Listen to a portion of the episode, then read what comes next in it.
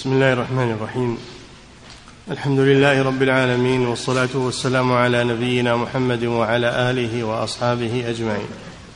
اما بعد قال المؤلف رحمه الله تعالى قوله فقام عكاشة ابن محصن هو بضم العين بضم العين وتشديد الكاف ومحصن بكسر الميم وسكون الحاء وفتح الصاد المهملتين.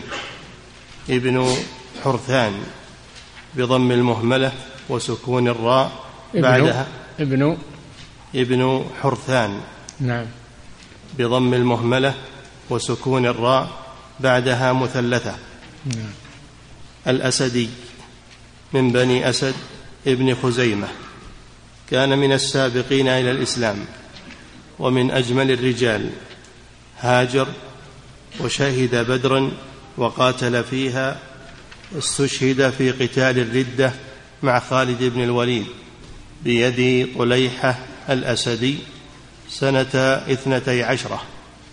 ثم أسلم طليحة بعد ذلك وجاهد الفرس يوم القادسية مع سعد بن أبي وقاص واستشهد في وقعة الجسر المشهورة. بسم الله الرحمن الرحيم. الحمد لله صلى الله وسلم على نبينا محمد.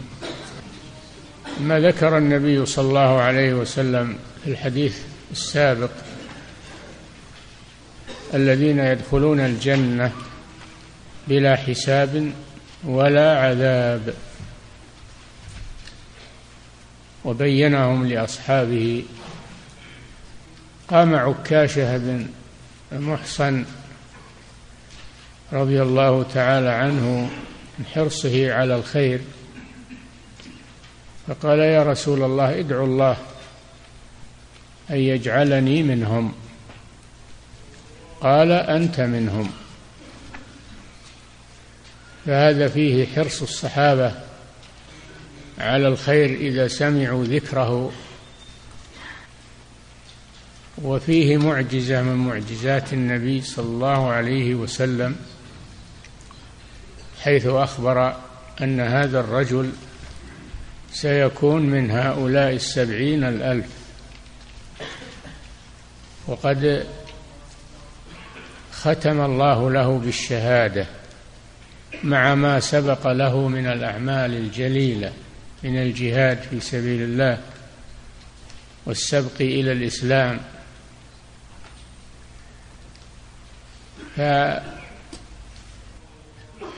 انطبق عليه ما أخبر به صلى الله عليه وسلم من أنه يكون من السبعين الألف الذين يدخلون الجنة بلا حساب ولا عذاب. وفيه طلب الدعاء من أهل الخير أن المسلم يطلب من إخوانه الطيبين وأهل الخير أن يدعو له. وهذا يكون في حق الحي الحاضر. في حق الحي لا يطلب من الميت الدعاء. الحاضر فلا يطلب من الغائب الدعاء. فدعا فقال النبي صلى الله عليه وسلم أنت منهم. واستشهد في حروب الردة بعد وفاة الرسول صلى الله عليه وسلم. لأنه بعد وفاة الرسول صلى الله عليه وسلم حصلت الردة في بعض العرب. منهم من منع الزكاة ومنهم من صدق المتنبئين الكذبة. ومن المتنبئين طليحة الأسدي ادعى النبوة فقاتله أبو بكر الصديق رضي الله عنه مع المرتدين. وكان القائد في ذلك خالد بن الوليد رضي الله تعالى عنه.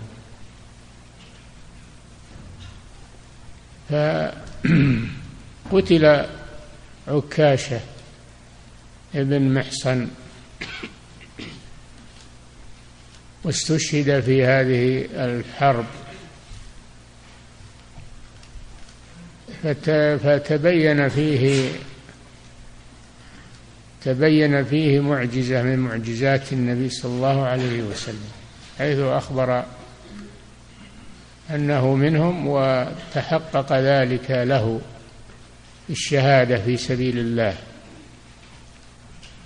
وأما طليحة فإنه تاب بعد ذلك تاب من ادعاء النبوة.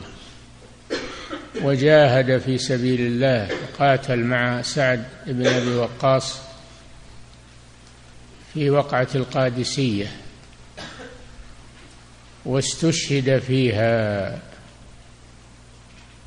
رضي الله عنه لأنه كان صحابيا ثم حصل منه ما حصل ثم تاب إلى ربه والصحيح أن أن الصحابي إذا تاب إلى الله مما حصل منه مما يقتضي ردته ثم تاب أنه يرجع له فضل الصحبة.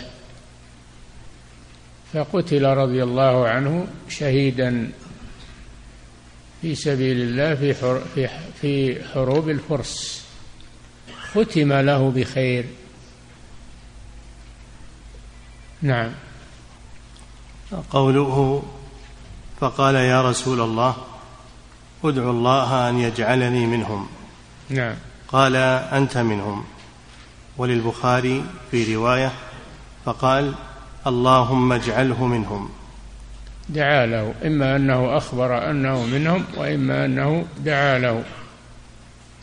وإخبار الرسول صلى الله عليه وسلم حق وصدق ودعاؤه أيضا مستجاب. نعم. ادعو الله أن يجعلني منهم قال أنت منهم وللبخاري في رواية فقال اللهم اجعله منهم وفيه طلب الدعاء من الفاضل. نعم. قوله ثم قام رجل آخر ذكره مبهما فلا حاجة بنا إلى البحث عن اسمه. نعم. قوله فقال سبقك بها عكاشة نعم قام رجل آخر بعد عكاشة فقال ادعوا الله يجعلني منهم. النبي صلى الله عليه وسلم ما واجهه بلفظ يكرهه بل قال سبقك بها عكاشة. فلأن هذا الرجل ليس في مستوى عكاشة بن محصن أو أن الله أطلع رسوله صلى الله عليه وسلم أن هذا الرجل لا يكون منهم. لكنه صلى الله عليه وسلم لم يواجهه بلفظ يكرهه بل قال له سبقك بها أي بهذا الطلب سبقك بها عكاشا فسكت الرجل. نعم. ففيه حسن الأدب مع المخاطبين وعدم مواجهتهم بما يكرهون من الألفاظ النابية وهذا خلقه صلى الله عليه وسلم. نعم. قوله فقال سبقك بها عكاشة قال القرطبي لم يكن عند الثاني من الأحوال ما كان عند عكاشة عند عكاشة. يعني ما عندها أهلية. مثل ما كان عند عكاشة. ولكن الرسول ما قال أنت لا تستحقها أنت لست كذلك بل جاء بكلمة حصل بها المقصود ولم تجرح المخاطب. نعم. قال القرطبي لم يكن عند الثاني من الأحوال ما كان عند عكاشة فلذلك لم يجبه. نعم. إذ لو أجابه لجاز أن يطلب ذلك كل من كان حاضرا. فيتس... وهذا أيضا من المحاذير أنه لو لو دعا لي هذا الرجل انفتح الباب للحاضرين كلهم. نعم. إذ لو أجابه لجاز أن يطلب ذلك كل من كان حاضرا فيتسلسل الأمر. نعم. فسد الباب بقوله ذلك. وليس كل الحاضرين على مستوى عكاشة رضي الله عنه. نعم. فيتسلسل الأمر فسد الباب بقوله ذلك انتهى. نعم. قال المصنف كلام القرطبي يعني. القرطبي هو شارح صحيح مسلم. نعم. قال المصنف رحمه الله وفيه استعمال المعاريض وحسن خلق. قال المؤلف اللي هو الشيخ محمد بن عبد الوهاب في مسائله رحمه الله فيه حسن المعاذير يعني حسن الخطاب مع المخاطبين وأنك لا تواجه الشخص بكلام يجرحه. نعم. وفيه استعمال المعاريض وحسن خلقه صلى الله عليه وسلم. نعم. فيه مسائل. قال المصنف رحمه في هذا الله. الباب مسائل يعني يستفاد من هذه النصوص المسائل الآتية. نعم. وهذه عادة الشيخ رحمه الله أنه يعقب الباب بمسائل. نعم. قال الشيخ محمد بن عبد الوهاب رحمه الله فيه مسائل الأولى معرفة مراتب الناس في التوحيد. نعم معرفة مراتب الناس في التوحيد فما في المرتبة الأولى عكاشة ابن محسن وأيضا قبله السبعين الألف مرتبتهم عالية. نعم. الثانية وأن الناس فيه أن الناس يتفاضلون في التوحيد. فهناك من هو موحد وهناك من هو محقق للتوحيد وهو أفضل. نعم. الثانية ما معنى تحقيقه؟ ما معنى تحقيقه؟ فسره النبي صلى الله عليه وسلم بقوله هم الذين لا يسترقون ولا يكتوون وعلى ربهم يتوكلون. هذا معنى تحقيق التوحيد. نعم. الثالثة ثناؤه سبحانه على إبراهيم بكونه لم يكن من المشركين. نعم ثناء الله على خليله إبراهيم بصفات بصفات منها لم يكن من المشركين. إن إبراهيم كان أمة يعني قدوة في الخير قانتا لله مداوما على العبادة حنيفا معرضا عن الباطل مقبلا على الحق. ولم يكن من المشركين. فيه البراءة من المشركين.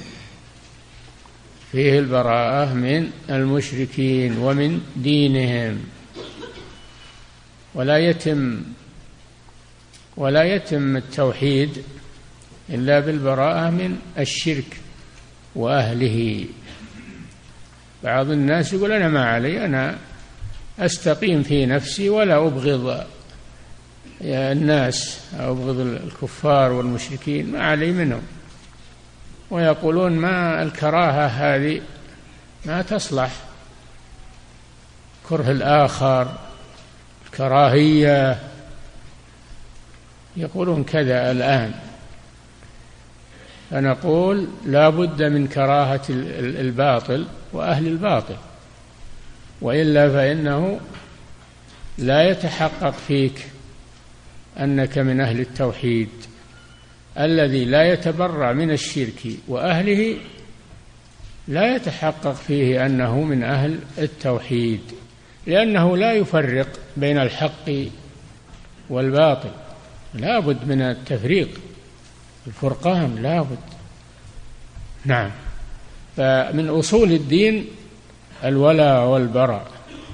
الولاء محبة أولياء الله والبراء بغض أعداء الله لا بد من هذا.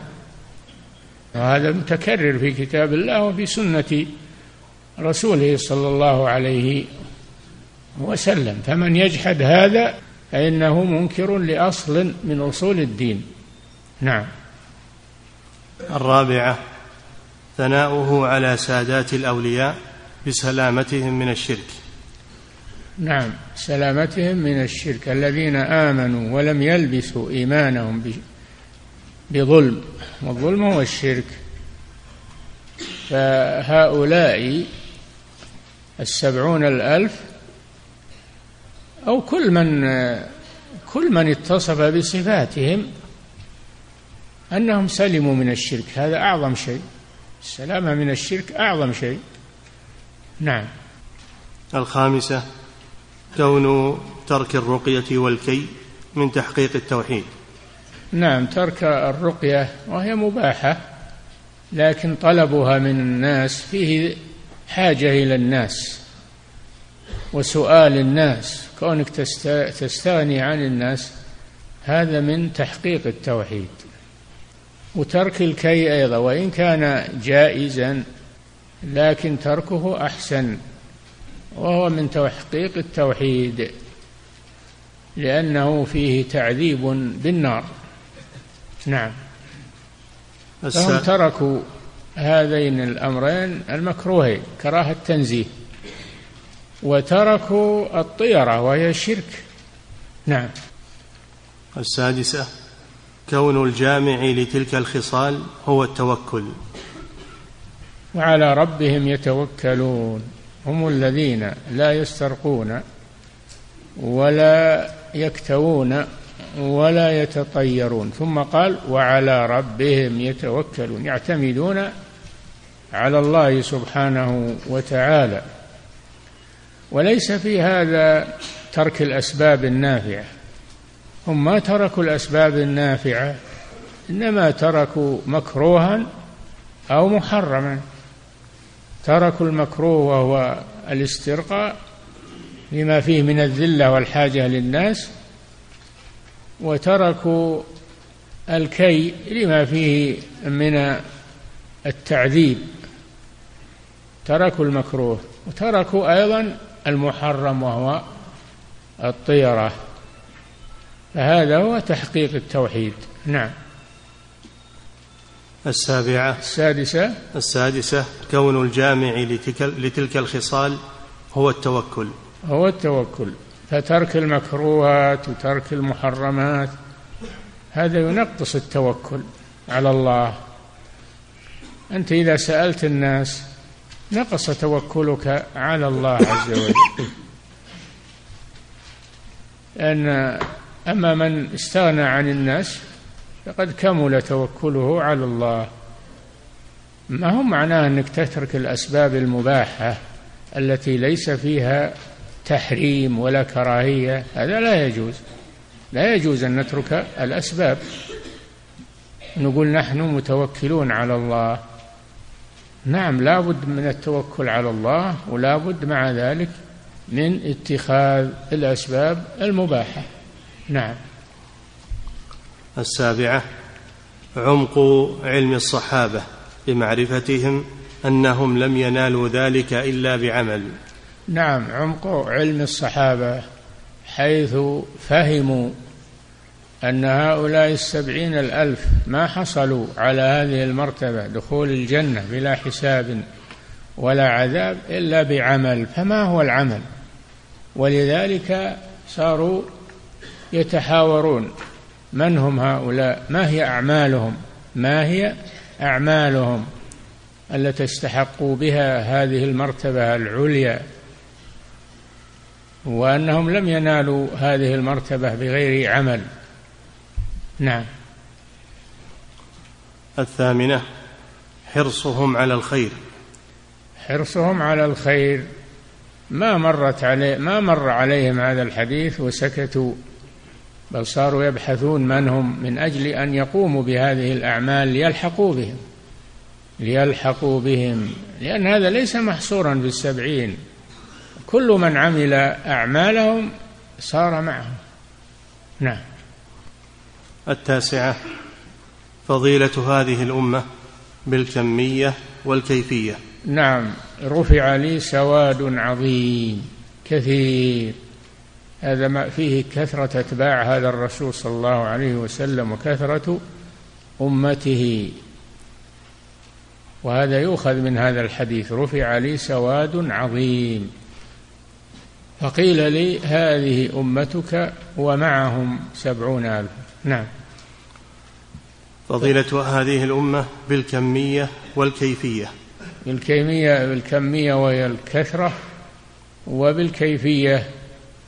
وهي أنهم لا يسترقون ولا يكتوون ولا يتطيرون وعلى ربهم يتوكلون. نعم. العاشرة فضيلة أصحاب موسى. نعم لأنهم هم يلون أصحاب محمد صلى الله عليه وسلم في الكثرة. نعم. الحادية عشرة عرض الأمم عليه عليه الصلاة والسلام. عرض الأمم عليه عليه الصلاة والسلام وهو حي على قيد الحياة فهذا من خصائصه صلى الله عليه وسلم وفضائله. نعم. الثانية عشرة أن كل أمة تحشر وحدها مع نبيها. نعم. كل أمة تحشر وحدها مع نبيها سواء أطاعوه أو خالفوه يحشرون معهم مع أنبيائهم يأتون هم وأنبياؤهم فمنهم من لا يأتي بأحد لأنه لم يستجب له أحد. منهم من يأتي بالرجل والرجلين ومنهم من يأتي بالرهط. فهذا فيه دليل على أن الكثرة لا لا حجة فيها. إذا كانت هذه الكثرة على الباطل. نعم. الثالثة عشرة. ولا ينقص هذا من أجر الأنبياء الذين لم يستجب لهم. لا ينقص من قدرهم ولا من جهادهم وجهودهم. فنوح عليه السلام لبث في قومه ألف سنة إلا خمسين عاما يدعوهم إلى الله عز وجل. حتى قيل له إنه لن يؤمن من قومك إلا من قد آمن وإلا فهو يدعوهم ولم ييأس من هدايتهم. نعم. الثالثة عشرة قلة من استجاب للأنبياء. إي نعم. النبي الرجل معه الرجل والرجلان والنبي ومعه الرهط والنبي وليس معه أحد. نعم. الرابعة عشرة أن من لم يجبه أحد يأتي وحده. نعم من لم يجبه أحد من أمته يأتي وحده ما معه أحد. إنما يأتي مع الأنبياء من استجاب لهم. أما من لم يستجب لهم فإنهم يكونون مع الكفار من أهل النار. نعم. الخامسة عشرة ثمرة هذا العلم وهو عدم الاغترار بالكثرة وعدم الزهد في القلة. أيوة. ثمرة هذا العلم وهو عدم الاغترار بالكثرة. فالأنبياء منهم من لم يستجب له أحد ومنهم من استجاب له عدد قليل. من استجاب له عدد قليل والأكثر على خلافه فلا يحتج بالكثرة إلا إذا كانت على حق ولا يزهد في القلة إذا كانت على الحق. ما يزهد في القلة إذا إذا كانت القلة هي التي على الحق. نعم. السادسة عشرة الرخصة في الرقية من العين والحمى. الرخصة آه، بالرقية من العين يعني من إصابة العين فالمصاب بالعين يرقى بالآيات القرآنية والدعوات النبوية وأيضا يستغسل له من من العاين يستغسل له يتوضأ العاين ويؤخذ ماء وضوئه فيصب على من أصابته العين أو يستغشل آه، شيء من ثيابه وملابسه الموالية لجسمه فيصب الغسالة على المصاب بالعين فيشفى بإذن الله. هذا من علاج الرقية من علاج العين. نعم. الرخصة في الرقية من العين والحمى. من العين والحمى وهي اللدغة. لدغة ذوات السموم ترقى تقرأ وتشفى لأن الصحابة لما رقوا اللديغ قام كأنما نشط من عقال. نعم. السابعة عشرة عمق علم السلف لقوله قد أحسن من انتهى إلى ما سمع ولكن كذا وكذا. فعلم نعم, نعم. فعلم أن الحديث الأول لا. عمق علم السلف لقوله قد أحسن من انتهى إلى ما سمع ولكن كذا وكذا. فعلم أن الحديث الأول لا يخالف الثاني. نعم. فالذي الذي ارتقى طلب الرقية هذا جائز. فعل شيئا جائزا ولكن هناك ما هو أحسن منه. هناك ما هو أحسن منه وهو عدم سؤال الرقية من الناس. أما كونك ترقي نفسك أو يرقيك أحد بدون سؤال فهذا جائز ولا كراهة فيه لكن سؤالك للناس. نعم. الثامنة عشرة بعد السلف عن مدح الإنسان بما ليس فيه. نعم. يعني وفي المسألة الأولى أن الإنسان يعمل بما علمه حتى إذا جاءه ما يزيد على علمه انتقل إليه وإلا فالإنسان يعلم بما علم. من من الحق. ولا يترك ما علمه من الحق. إذا لم يعلم ما هو أفضل منه. قد أحسن من انتهى إلى ما سمع. ولا يمنع هذا أنه يطلب العلم ويتزود ويقول ربي زدني علما. نعم. الثامنة عشرة. بعد السلف عن مدح الإنسان بما ليس فيه. نعم. فهم فهم فهموا أن هؤلاء السبعين ما حصلوا على مرتبتهم إلا بخصال إيمانية راقية. فلا يمدح الإنسان بما ليس فيه. نعم. التاسعة عشرة. قوله أنت منهم علم من أعلام النبوة. علم يعني معجزة. معجزات النبي صلى الله عليه وسلم. والعلم هو العلامة. العلم هو العلامة الدالة على الشيء. ومنه قوله تعالى في عيسى عليه السلام وإنه لعلم للساعة وفي قراءة وإنه لعلم للساعة. يعني نزول المسيح عليه السلام في آخر الزمان من أشراط من أشراط الساعة. نعم.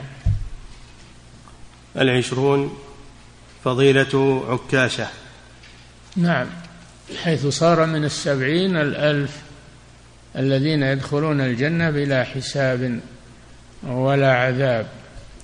والصحابة رضي الله عنهم كلهم أهل فضيلة وأهل مرتبة عالية هم أفضل القرون ولكن هم يتفاضلون فيما بينهم فبعضهم أفضل من بعض.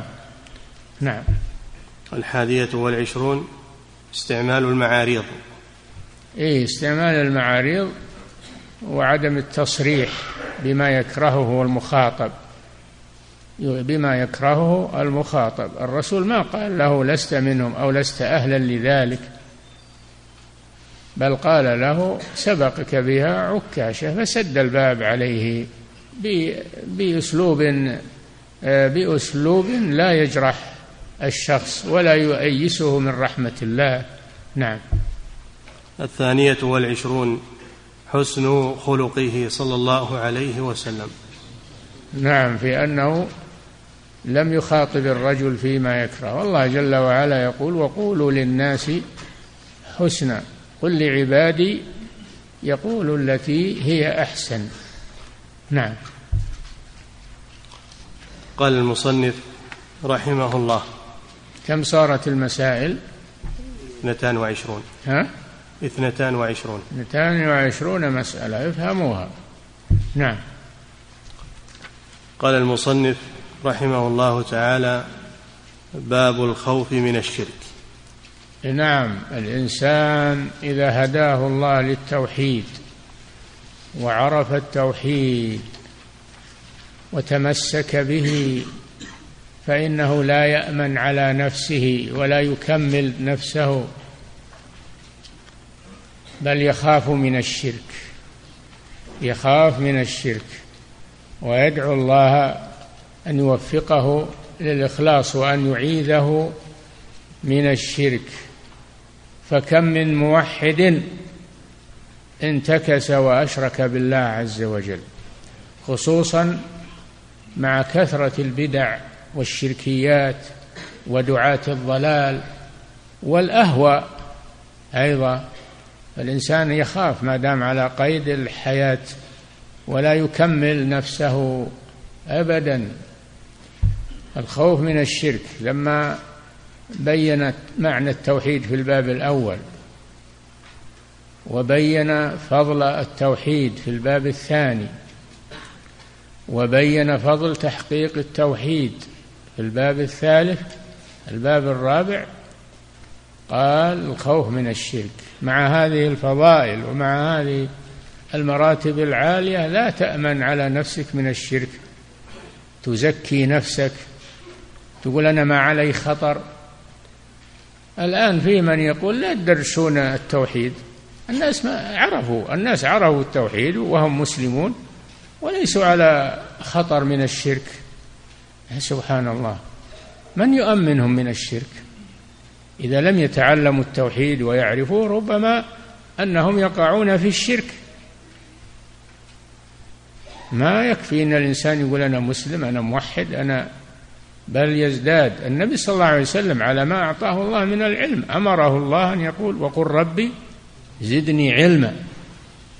وقل ربي زدني علما. الرسول ما طلب الزيادة إلا من العلم. ما طلب الزيادة من الدنيا والتجارة و...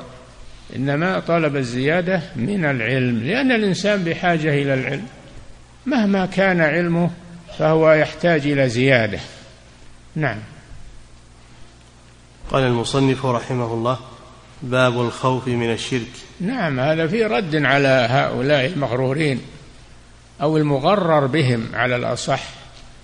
اللي يقولون لا درسون التوحيد الناس ما هم بحاجة إليه الناس مسلمون الناس موحدون ليسوا بحاجة إلى التو... إلى تدريس التوحيد. يا أخي لو عرفت من التوحيد شيء تجهل أشياء كثيرة. أنت بحاجة إلى زيادة العلم في التوحيد. هذا من ناحية. الناحية الثانية لا بد أن تخاف على نفسك من الانحراف. من الشرك فهذا لا يأمن منه أحد إلا المغرور. المغرور يأمن منه يقول ما ما نحن لسنا بحاجة إلى التوحيد نحن مسلمون وعقيدتنا التوحيد ولا ولا بحاجة إلى أن ندرس التوحيد ومقررات التوحيد. ولسنا بحاجة إلى الدعوة إلى الله.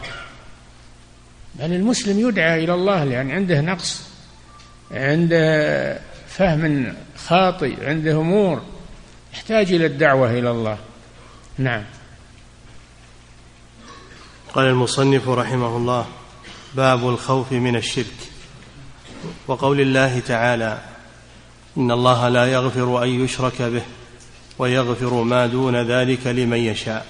نعم هذه الآية فيها الخوف من الشرك. إذا كان الله لا يغفر مع سعة مغفرته مع سعة مغفرته لا يغفر للمشرك. ألا يخاف الإنسان من الشرك؟ الذي هذه هذا خطره أن الله لا يغفره. إن الله لا يغفر أن يشرك به. ويغفر ما دون ذلك لمن يشاء من الذنوب والمعاصي. نعم. الشرح قال ابن كثير رحمه الله أخبر تعالى أنه لا يغفر أن يشرك به أي لا يغفر لعبد لقيه وهو مشرك. نعم لا من من من مات على الشرك فهو خالد مخلد في النار ولا تناله الرحمة ولا تناله المغفرة. كيف لا يخاف من هذا؟ إذا لم تتعلم ما هو الشرك فإنك تقع فيه ولو إنك جاهل لو وقعت فيه وأنت جاهل لأنك مفرط ومهمل. فإذا كان هذا خطر الشرك فيجب أن نتعلم ما هو الشرك. بعضهم يقول علموهم التوحيد ولا تعلمونهم الشرك. ما يصلح هذا. إذا علمتهم التوحيد علمهم ضد التوحيد لئلا يقعوا فيه وهو الشرك. نعم. قال ابن كثير رحمه الله أخبر تعالى أنه لا يغفر أن يشرك به أي لا يغفر لعبد لقيه وهو مشرك. نعم لا يغفر أن يشرك به. أي شرك من أنواع الشرك؟ لا يغفره الله. قال تعالى ولا تشركوا به شيئا. أي شيء. لا يشرك مع الله أحد. لا ملك ولا نبي ولا ولي ولا حجر ولا شجر. لا يشرك مع الله أحد ابدا ولا يتساهل في الشرك. ويقال قال هذا سهل. نعم هذا شرك أصغر. ما يتساهل في الشرك الأصغر لأن الشرك الأصغر يجر إلى الشرك الأكبر. نعم فلا بد من معرفة الشرك وتفاصيله حتى يتجنبه الإنسان. ما يدرس التوحيد فقط يدرس التوحيد ويدرس ما هو الشرك الذي يضاد التوحيد أو ينقصه. نعم. قال ابن كثير رحمه الله أخبر تعالى أنه لا يغفر أن يشرك به أي لا يغفر لعبد لقيه وهو مشرك. نعم. ويغفر ما دون ذلك لمن يشاء حتى الشرك الأصغر الآية تعم الشرك الأصغر أن الله لا يغفره بل لا بد أن يعذب به. ولكن صاحبه لا يخلد في النار مثل ما يخلد صاحب الشرك الأكبر. نعم. ويغفر ما دون ذلك لمن يشاء. ما يغفر ما دون ذلك ما دون الشرك لمن يشاء. فهو تحت المشيئة. من سلم من الشرك ولكن عنده ذنوب كبائر كالزنا والسرقة وشرب الخمر وغير ذلك فهو على خطر. هو على خطر. لأن الله قال يغفر ما دون ذلك لمن يشاء. ما قال يغفر ما دون ذلك وسكت. بل قال لمن يشاء. هذا راجع إلى مشيئة الله سبحانه وتعالى. فأهل التوحيد الذين عندهم ذنوب كبائر دون الشرك على خطر. أن يعذبهم الله عز وجل بشركهم ولا يغفر لهم لأنه قال لمن يشاء قيده بالمشيئة فعصاة الموحدين تحت مشيئة الله إن شاء الله غفر لهم وإن شاء عذبهم. نعم. ويغفر ما دون ذلك لمن يشاء أي من الذنوب لمن يشاء من عباده. أي نعم. انتهى. فتبين بهذه الآية. كلام ابن كثير يعني. نعم. فتبين بهذه الآية أن الشرك أعظم الذنوب. أن الشرك أعظم الذنوب حيث أنه لا يدخل في مغفرة الله عز وجل مع أن الله غفور رحيم. المشرك لا تناله مغفرة الله. أدل على أن ذنبه أعظم الذنوب. نعم. فأعظم المحرمات الشرك وأعظم الواجبات التوحيد. نعم. فتبين بهذه الآية أن الشرك أعظم الذنوب لأن الله تعالى أخبر أنه لا يغفره لمن لم يتب منه. لمن لم يتب منه. لا يغفره لمن لم يتب منه ومات وهو عليه. أما من تاب تاب الله عليه. من تاب قبل موته من الشرك وأخلص التوحيد لله فإن الله يتوب عليه. نعم.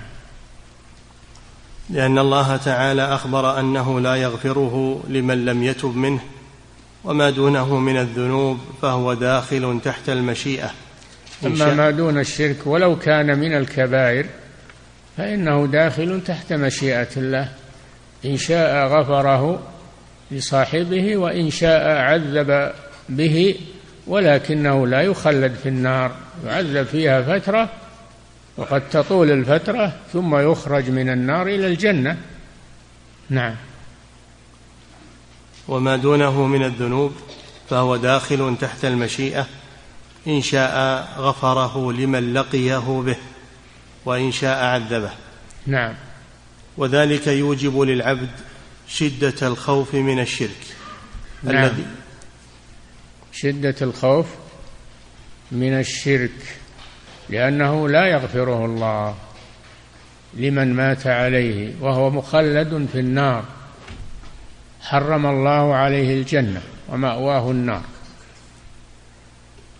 وكذلك فيه الخوف من الكبائر لأن الله قال لمن يشاء لم يقل ويغفر ما دون ذلك بل قال لمن يشاء. فقد تعذب في هذه الكبائر في النار وتلبث فيها مدة طويلة. نعم فلا تتساهل في المعاصي التي دون الشرك. نعم. وذلك يوجب للعبد شدة الخوف من الشرك نعم. الذي هذا شأنه عند الله. وإذا خافه ما يكفي إنك تخافه. لا بد أن تتعلم ما هو الشرك. تعرف ما هو الشرك من أجل أن تتجنبه. وإلا إذا جهلته فقد تقع فيه وأنت لا تدري. نعم.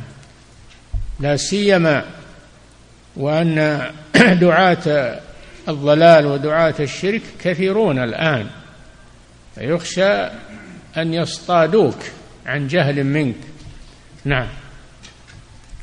وذلك يوجب للعبد شدة الخوف من الشرك الذي هذا شأنه عند الله. نعم. لأنه أقبح القبيح وأظلم, وأظلم الظلم. نعم إن الشرك لظلم عظيم. فهو أعظم الظلم. الظلم ثلاثة أنواع.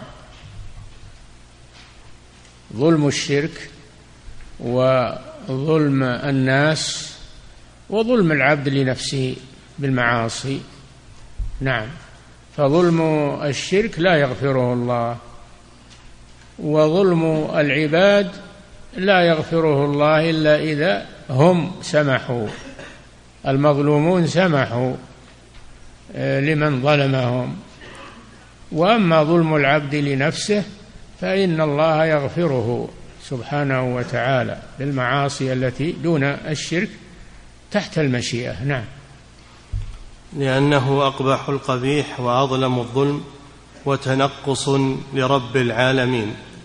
لأنه أقبح القبيح أعظم أعظم الذنوب وأقبحها الشرك بالله عز وجل. هذه واحدة. ثانية وأظلم الظلم. أظلم الظلم إن الشرك لظلم عظيم.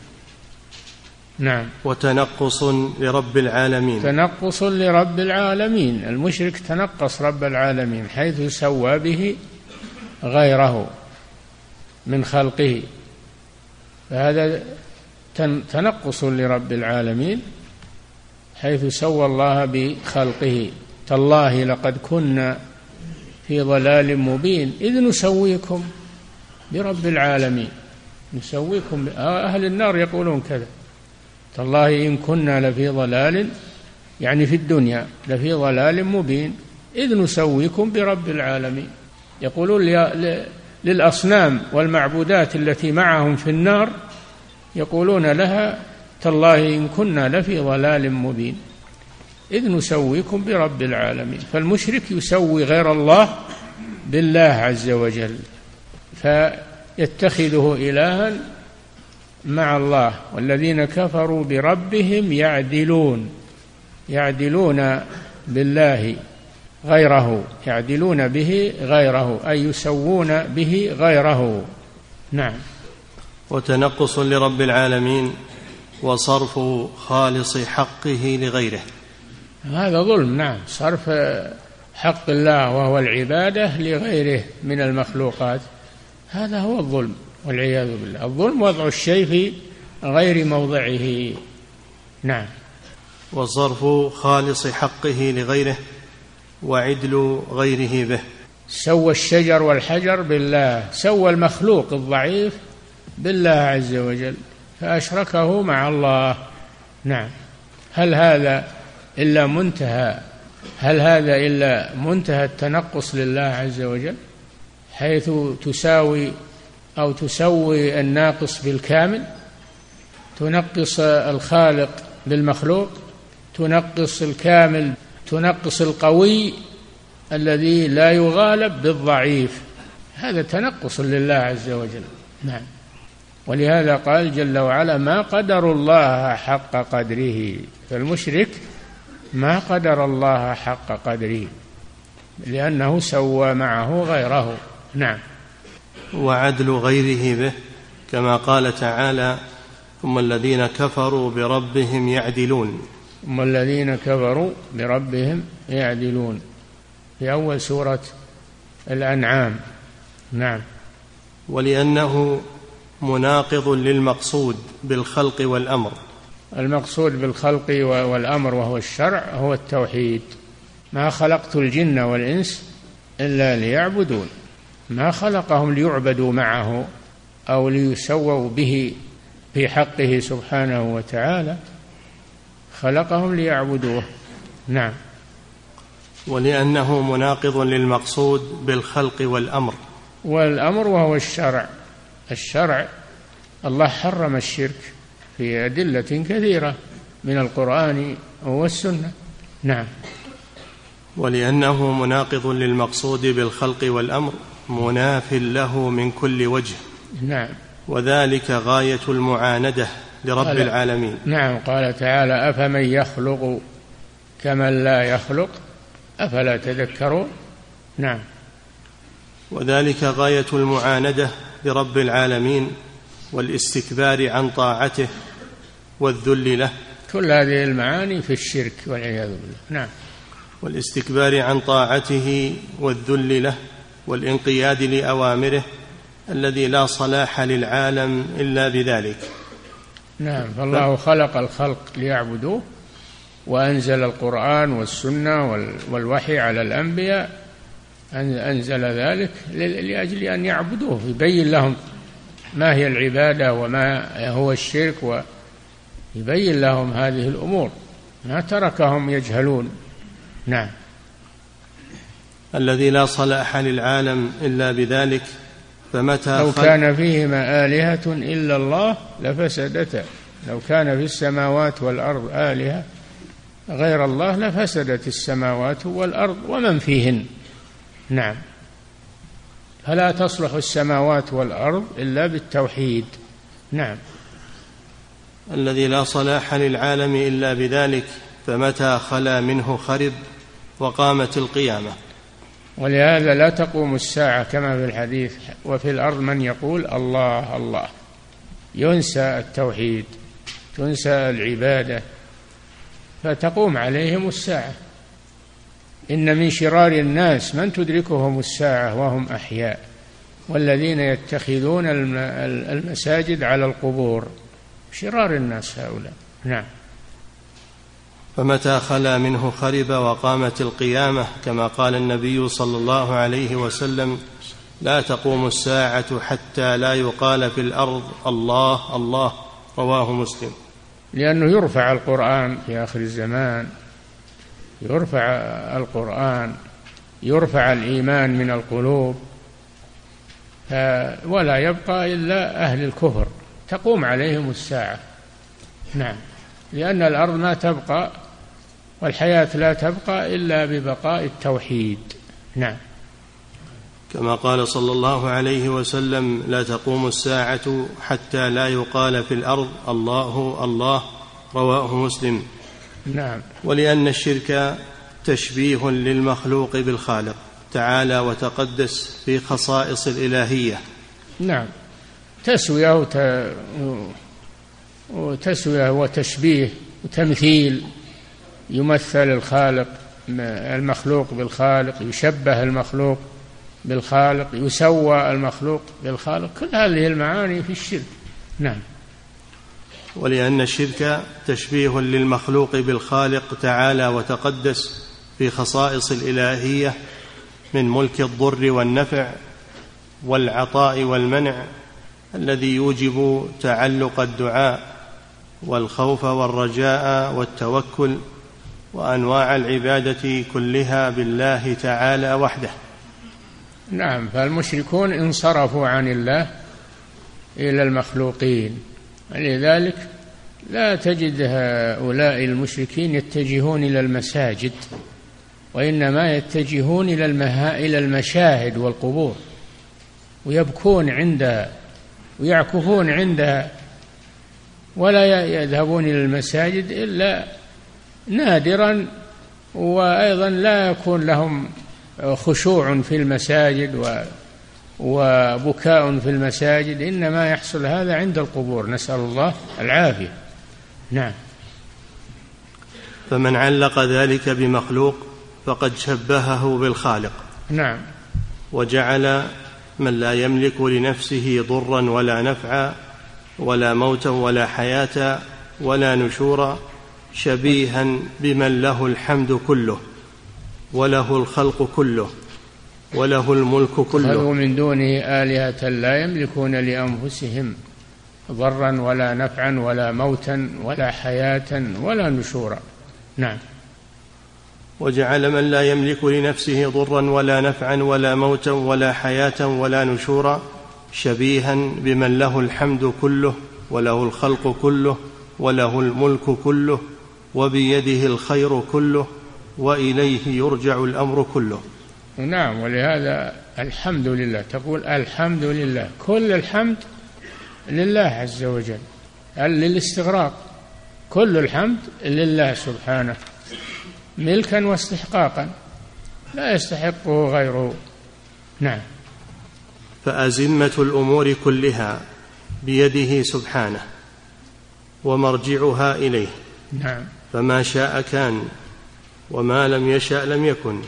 نعم. لا مانع لما أعطى ولا معطي لما منع.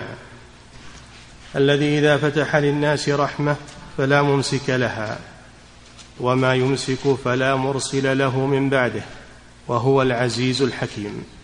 نعم. كل هذه المعاني موجودة في الشرك وفي المشرك كلها موجودة وما هو أكثر منها أيضا. نعم. فأقبح التشبيه تشبيه العاجز الفقير بالذات بالقادر الغني بالذات. نعم. ومن خصائص الإلهية. يكفي.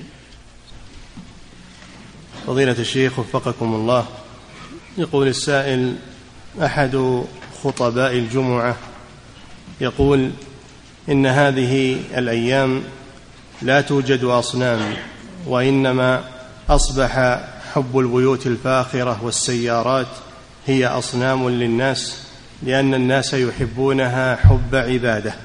فهل ما قاله صحيح؟ هذا كلام التبليغيين هم اللي يقولون كذا. يقولون الشرك حب الدنيا. يقولون الشرك هو حب الدنيا. ما يقولون الشرك هو عبادة غير الله هو دعاء غير الله هو هو. ما يقولون هذا. هذا ربما أن هذا متأثر بهم أو هو منهم أيضا. نعم. الشرك هو حب الدنيا. نعم. فضيلة الشيخ وفقكم الله يقول هل كل الوسائل التي تؤدي إلى الشرك الأكبر تعد من الشرك الأصغر؟ ما ما هي بواحد الوسائل ما هي بواحد. نعم. فضيلة الشيخ وفقكم الله فضل الصحبة للنبي صلى الله عليه وسلم. هل هو خاص بالإنس أو هو عام للثقلين؟ كل من آمن بالرسول من الجن والإنس فإنهم ينالون هذا هذا الفضل من الله سبحانه وتعالى. الجن منهم مسلمون منهم مؤمنون. نعم. فضيلة الشيخ وفقكم الله يقول هل إظهار العجب بالفقراء هل إظهار العجب بالكفار والتعاطف معهم يكون قادحا في توحيد الإنسان؟ نعم إذا أنه أعجب بالكفار ومع الكفار عندهم زهرة الدنيا ما في شك عندهم زهرة الدنيا فتنة لهم وغرورا لهم. وأما المسلمون فقد يكونون فقراء قد يكونون لكن عندهم الإيمان الذي لا يعدله شيء. أما هؤلاء أوتوا في الدنيا ولكن ليس لهم في الآخرة حظ ولا نصيب. فأيهما أحسن حظ الدنيا ولا حظ الآخرة؟ بالآخرة. ولكن ليس معنى هذا أننا نزهد في اتخاذ الأسباب النافعة في تعلم الصناعات والاختراعات. الله جل وعلا قال وأعدوا لهم ما استطعتم من قوة. ليس لكن إننا نقصر السعادة على ملاذ الدنيا وعلى متاع الدنيا هذا هو هذا هو المنهي عنه. ما نقصر هذا على على ذلك. نعم. فضيلة الشيخ وفقكم الله هل الولاء والبراء مع أهل البدع يكون داخلا في مضمون التوحيد وفي تحقيقه؟ الولاء والبراء يختلف. هناك من يبغض ولا يحب وهو الكافر والمشرك. هذا يبغض ولا يحب أبدا. ومنهم من يحب حبا خالصا وهو المؤمن الموحد. أولياء الله عز وجل المخلصون لله عز وجل من النبيين والصديقين والشهداء والصالحين هؤلاء يحبون حبا خالصا. ومن الناس من يحب من جهة ويبغض من جهة. يحب لما فيه من الإيمان ويبغض لما فيه من المعاصي والمخالفات. نعم. خذوا هذا معكم. الولاء والبراء ليس على درجة واحدة. نعم. فضيلة الشيخ وفقكم الله في قول القائل توكلت على الله ثم عليك. هل هذا شرك في الألفاظ؟ اي نعم لا تقل توكلت. على الله ثم عليك قل توكلت على الله وحده. وكلتك في كذا وكذا. وكلتك ما تقول توكلت عليك. وكلتك. فالموكل حينما يوكل الوكيل يعتمد على الله عز وجل ما يعتمد على الوكيل. إنما الوكيل سبب من الأسباب. ولا تعتمد على السبب. اعتمادا خالصا. نعم. فضيلة الشيخ وفقكم الله يقول هل هناك فرق بين الاسترقاء وبين الذهاب إلى الطبيب مع أن كل منهما فيه حاجة إلى الغير؟ الاستغفار هذا عبادة الذهاب إلى الطبيب هذا مباح هذا مباح ليس عبادة. مثل ما تاكل وتشرب وت... وتلبس ثيابك مثلها الذهاب للطبيب من الأسباب المباحة. نعم. فضيلة الشيخ وفقكم الله يقول هل طلبي من الغير أن يقضوا عني ديني؟ هل هو ضعف في التوكل؟ اي نعم لو دعوت الله لو دعوت الله واقتصرت على الله فإن الله يسدد عنك دينك وييسر أمرك ومن يتوكل على الله فهو حسبه. نعم. فضيلة الشيخ وفقكم الله يقول هل سؤال أهل الخير هل سؤالهم الدعاء يكون مما ينقص التوحيد مع ما ورد من أن عكاشة طلب من النبي صلى الله عليه وسلم أن يدعو له؟ لا ينقص التوحيد إذا طلبت منهم الدعاء لأن الدعاء توحيد أن طلبت منهم توحيد دعاء الله من التوحيد. نعم. فضيلة الشيخ وفقكم الله يقول هل يجوز تحديد أجرة معينة لأجل الرقية أو الحجامة كأن يقول الراقي إن ساعته بكذا وكذا من المال؟ إيه، إذا كان يبي تاجر بالرقية يقول كذا أو يفتح محل أو يحط كتاب ومستقبلين يقول كذا. أما المحتسب يرقي إن أعطوه شيء يأخذه وإن لم يعطوه شيء فيعتبر الأجر عند الله سبحانه وتعالى. نعم. فضيلة الشيخ وفقكم الله في قول النبي صلى الله عليه وسلم لا تجتمع أمتي على ضلالة. هل المقصود بالأمة مجموع المسلمين أم المقصود؟ أتباع الرسول. المقصود بالأمة أتباع الرسول صلى الله عليه وسلم. نعم. فضيلة الشيخ وفقكم الله. يقول إذا رقى الإنسان نفسه أو كوى نفسه يظن هذا الكلام؟ أظنه موقوف على ابن مسعود أو على صحابي. ما ما هو حديث عن الرسول صلى الله عليه وسلم. نعم. فضيلة الشيخ وفقكم الله.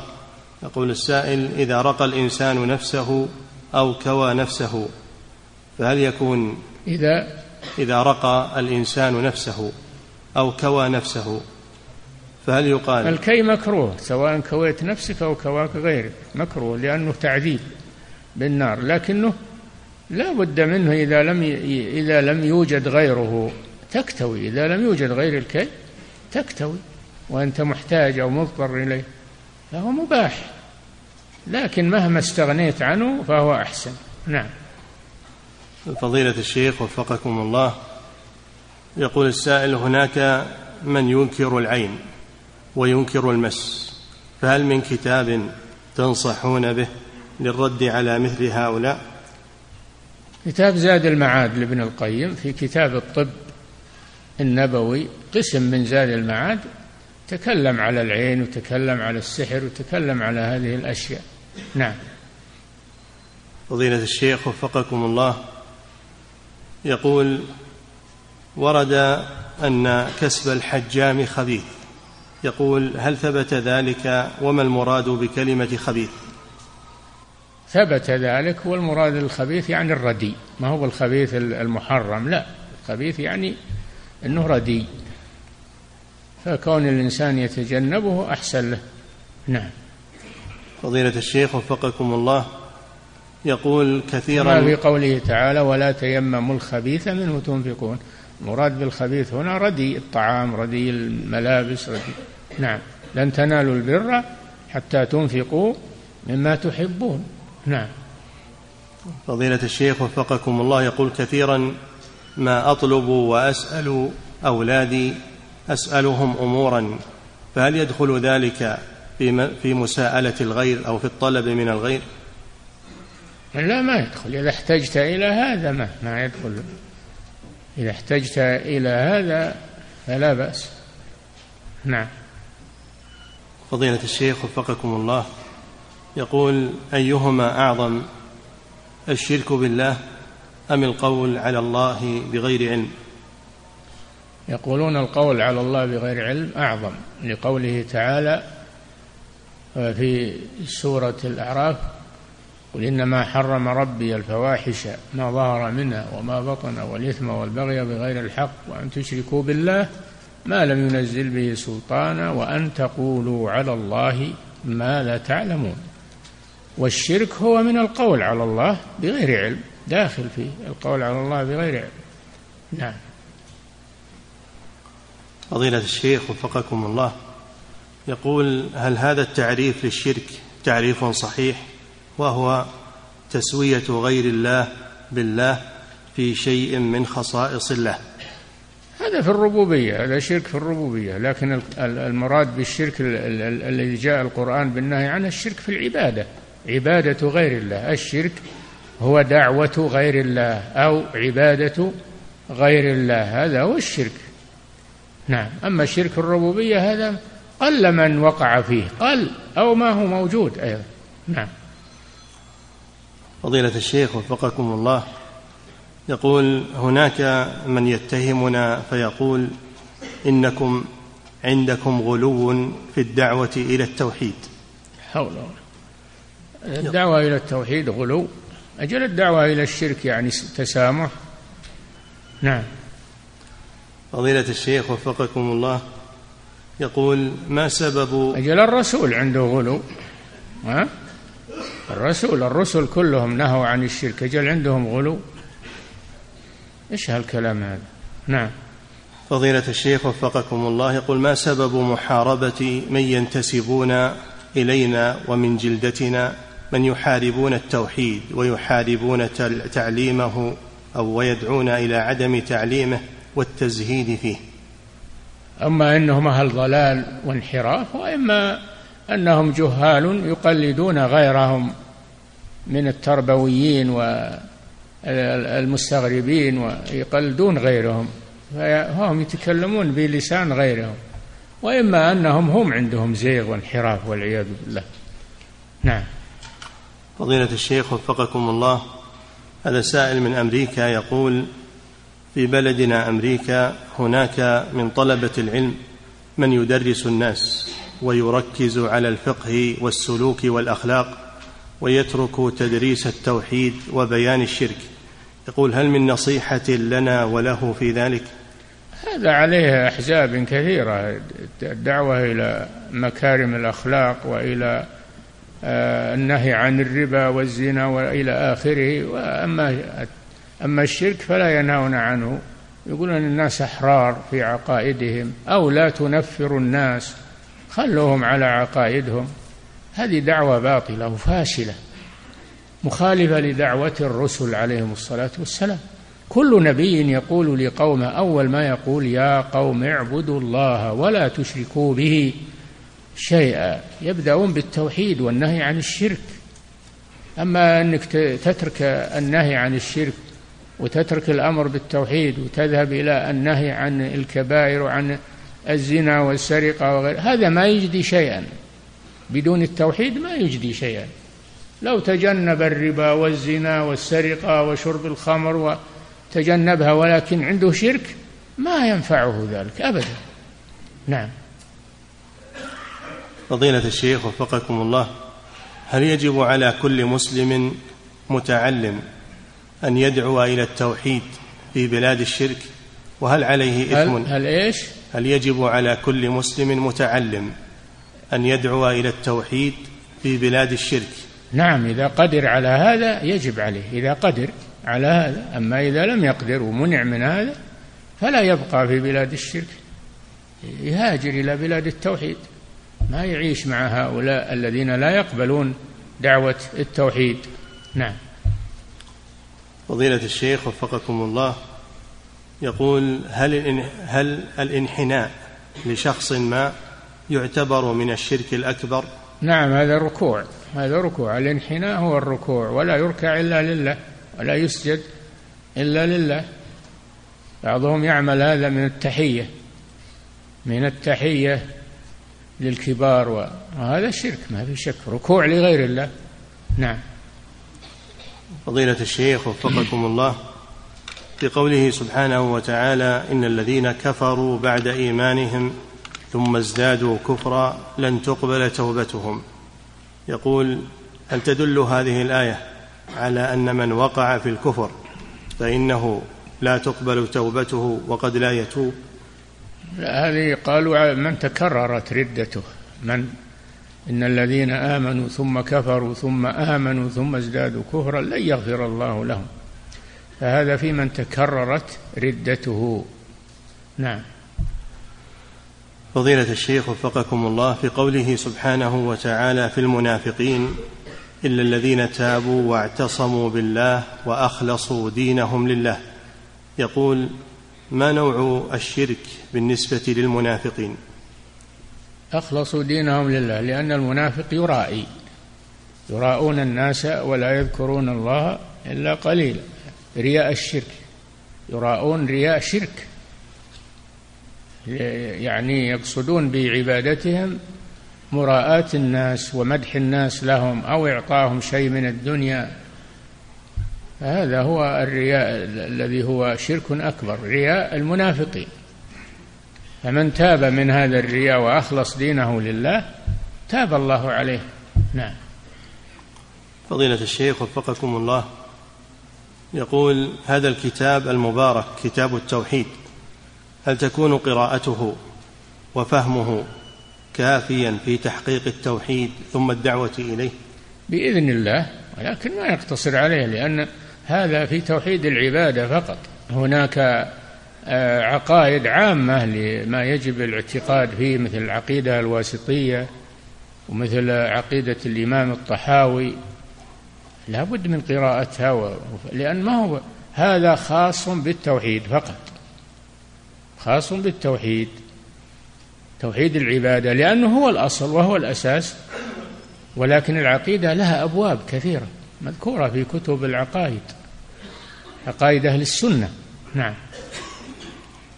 فضيلة الشيخ وفقكم الله يقول الظلم ثلاثة أنواع منها ظلم العباد. يقول إذا ظلمت رجلا مشركا. ولا يجوز ما يجوز ظلم المشرك. ولا يجرمنكم شنآن قوم على ألا تعدلوا. اعدلوا هو أقرب للتقوى. النبي صلى الله عليه وسلم يقول واتق دعوة المظلوم. إنه ليس بينها وبين الله حجاب. فلا يجوز ظلم الناس لا المشركين ولا غير المشركين. نعم. فضيلة الشيخ وفقكم الله.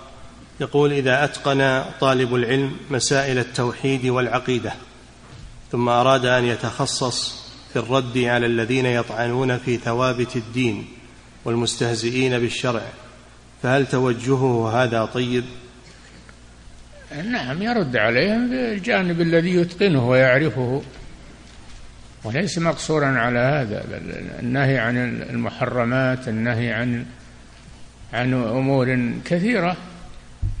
بجانب النهي عن الشرك لكن ما ينصرف إلى النهي عن كما ذكرنا إلى النهي عن المحرمات ويترك الشرك الذي هو أعظم المحرمات ما ينهى عنه. يقول الناس أحرار في عقيدتهم وأحرار في دينهم هذا تناقض والعياذ بالله. نعم. فضيلة الشيخ وفقكم الله في قول الرسول صلى الله عليه وسلم لا تقوم الساعة حتى لا يقال في الأرض الله الله. يقول بعض الصوفية يحتج بهذا الحديث على ذكرهم البدعي. أنهم يقولون الله الله الله. يحتجون بهذا. ها؟ نعم. هذا هذا في في الله الله يعني أنهم يتركون حتى ذكر الرب سبحانه وتعالى ويصيرون ما همهم إلا الدنيا. في الحديث أيضا يتسافدون تسافد الحمر. بهايم نعم. الذكر ما يكون بالاسم المفرد.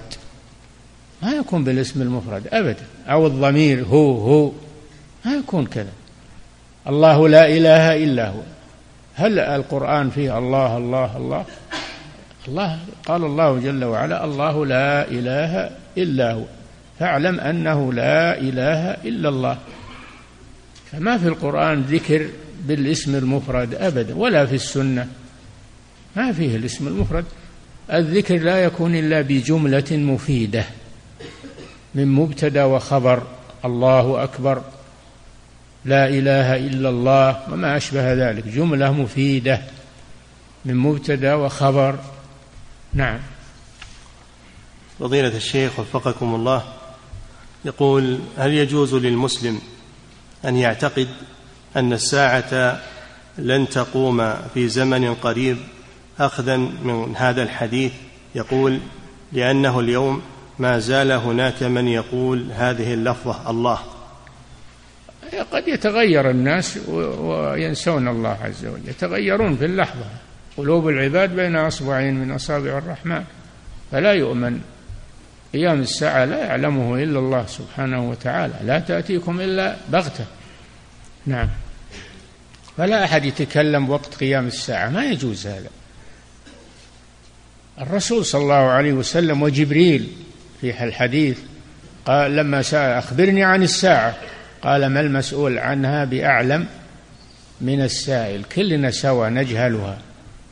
نعم سيد الملائكة وسيد بني آدم كلهم ما يعرفون قيام الساعة متى متى قيام الساعة؟ لكن يؤمنون به. يستعدون له. نعم. فضيلة الشيخ وفقكم الله هذا سائل من بريطانيا يقول عندنا بعض المساجد في بريطانيا يأتون برجل على منهج السنة يدرس الناس التوحيد أو يلقي عليهم محاضرة عن التوحيد ثم في اليوم التالي يأتون بصوفي أو أشعري يدرس الناس الصوفية أو الأشعرية. السؤال هل يجوز لهذا الداعية السني أن يدرس في مثل هذه المساجد؟ لا إذا كانوا يخلطون بينه وبين البدعي والمنحرف لا يجوز له ذلك لأنهم يتخذونه غطاء يتخذونه غطاء ويقولون حنا ندرس التوحيد ونحن نسمح للمحاضرات التوحيد. ما يصلح هذا. هذا خلط بين الحق والباطل. يشترط عليهم يقول أنا أدرسكم أو أنا أحاضر عندكم لكن بشرط ألا تأتوا بمن هو يخالف ما أدعوكم إليه وأقول لكم. نعم. فضيلة الشيخ وفقكم الله هذا سائل من روسيا يقول هل صحيح أن من سب الله سبحانه وتعالى أو سب الرسول صلى الله عليه وسلم وهو من المسلمين أنه يعذر بجهله وهل صحيح أن إن شاء الله يعذر بجهله يسب الله ويسب الرسول ويعذر بجهله. إيش الكلام هذا؟ هذا خفي. ما يعذر بالجهل إلا في الأمور الخفية التي تحتاج إلى بيان. وهل تحريم مسبة الله ومسبة الرسول أمر خفي؟ ولا أمر ظاهر مشتهر؟ سبحان الله الخلط بين الحق والباطل. الله قال لليهود والنصارى ولا تلبسوا الحق بالباطل تكتموا الحق وأنتم تعلمون. ما يجوز الكلام هذا. نعم. مؤسسة الدعوة الخيرية الدعوة إلى الله هدفنا والتقنية الحديثة وسيلتنا.